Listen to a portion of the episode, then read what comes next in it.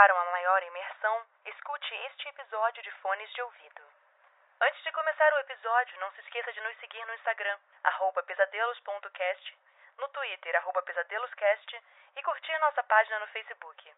Caso queira contribuir para o crescimento do canal, acesse apoia-se barra pesadelos. Aproveite o episódio e tenha bons pesadelos.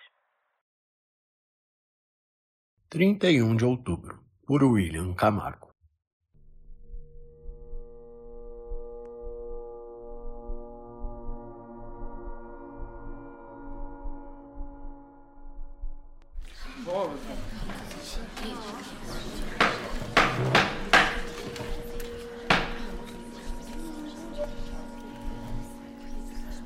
Meritíssimo, o réu em questão deixou uma gravação que fazia para registro de seu trabalho. E eu gostaria que os senhores e senhoras do júri ouvissem essa gravação antes de qualquer decisão.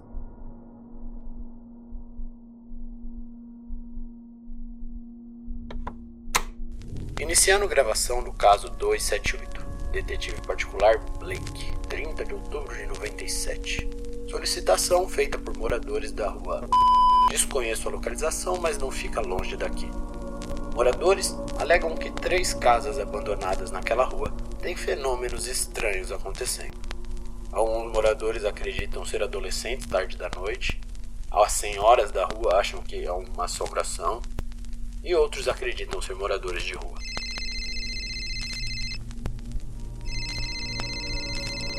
Oi, mãe. Tudo bem. E você, como tá? Pior que esse fim de semana tá complicado, mãe. Tô cheio de trabalho. Não, eu não abandonei ninguém. Só tô trabalhando muito, você sabe como é que é. Tá bom, mãe. Eu não vou ficar discutindo com a senhora. Eu tô no meio do trabalho, inclusive.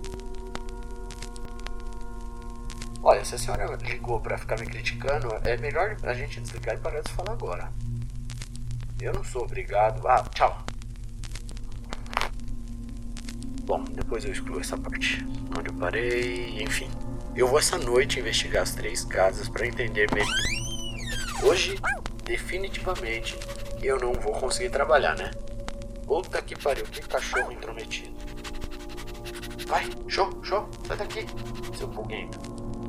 Sua mãe não tá mais aqui em casa. Então, por enquanto, somos só nós dois e você sabe que eu não gosto muito de você. Vai, sai, sai, sai daqui, Fedorento. Enfim, vou verificar os endereços.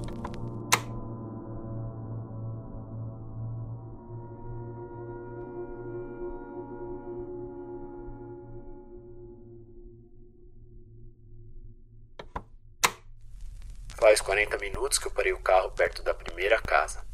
A rua tá vazia e a casa tá sem movimentações. Aparentemente vazia também. Portas e janelas quebradas e algumas pichações. Vou entrar para verificar. Eu tô com meu revólver calibre 38 carregado.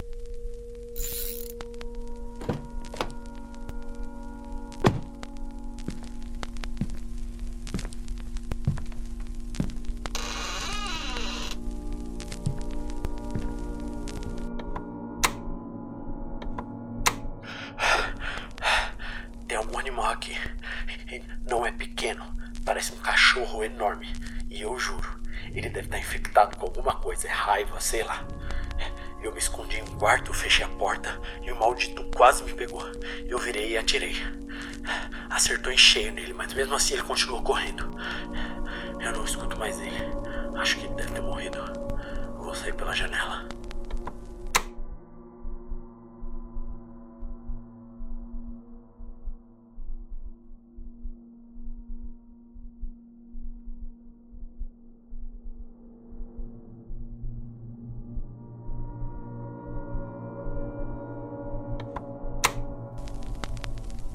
Já saí da casa número 1. Um. O cachorro pode explicar o porquê dos barulhos que os vizinhos reclamaram. Agora estou prestes a entrar na outra casa.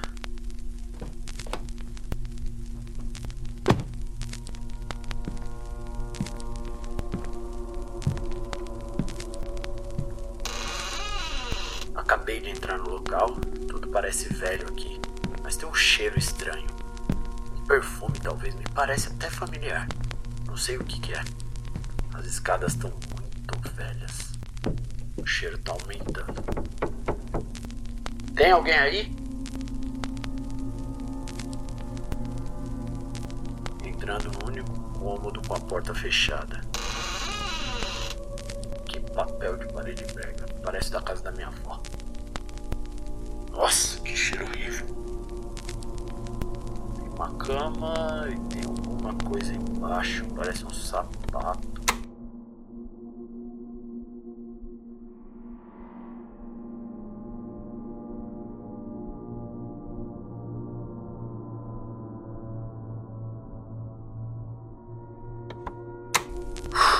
Acabei de sair da casa número 2 e tinha um cadáver embaixo da cama. Era uma senhora, bem velha. Momentos eu tive certeza que era minha mãe, mas estava muito velha. Deve ser um medicamento novo. Bom, já liguei pra polícia. Agora preciso terminar esse trabalho logo e ir pra última casa. Acho que eu tô ficando maluco.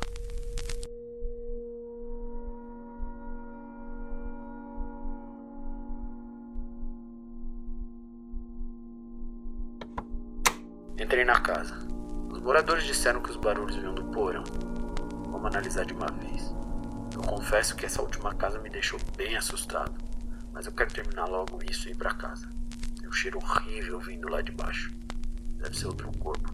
Provável que o assassino esteja tentando se livrar das vítimas aqui.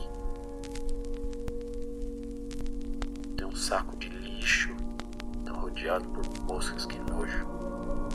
Não, eu não vou abrir isso. Que aquilo tem um buquê de flores do lado do saco. Não, não, isso é demais pra mim, eu vou embora.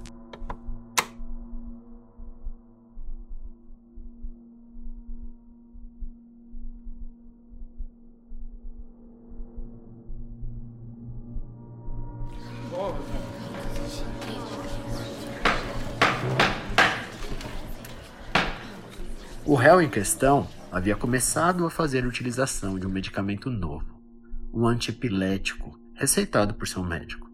No entanto, não percebeu que o mesmo causava alucinações. E foi através dessas gravações em questão que chegamos ao corpo de sua ex-noiva, que foi brutalmente esquartejada por ele. As alucinações em questão tratavam-se dos últimos acontecimentos do seu dia. O cachorro, o corpo de sua mãe, o saco de lixo, onde o mesmo ocultou o corpo de sua ex-noiva, tida como desaparecida na data de 5 de janeiro deste ano. A polícia não encontrou corpo algum nas residências investigadas pelo réu. Senhoras e senhores do júri, céticos ou não, essa gravação começou por volta das 23h30 do dia 30 de outubro de 97 e foi encerrada a uma da manhã do dia 31 de outubro do mesmo ano. Me parece lógico afirmar que definitivamente o véu entre mortos e vivos fica mais fino neste dia.